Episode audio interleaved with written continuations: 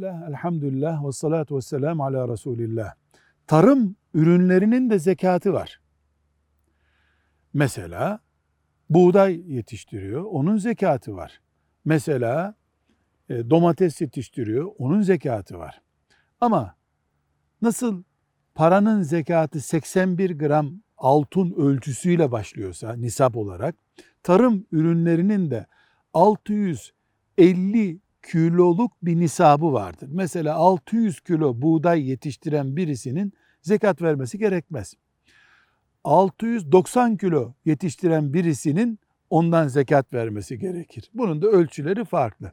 Ancak farklı tarım ürünlerinin birleştirilip nisaba getirilmesi gerekmez. Mesela 300 kilo buğday yetiştirmiş, 400 kilo da fasulye yetiştirmiş.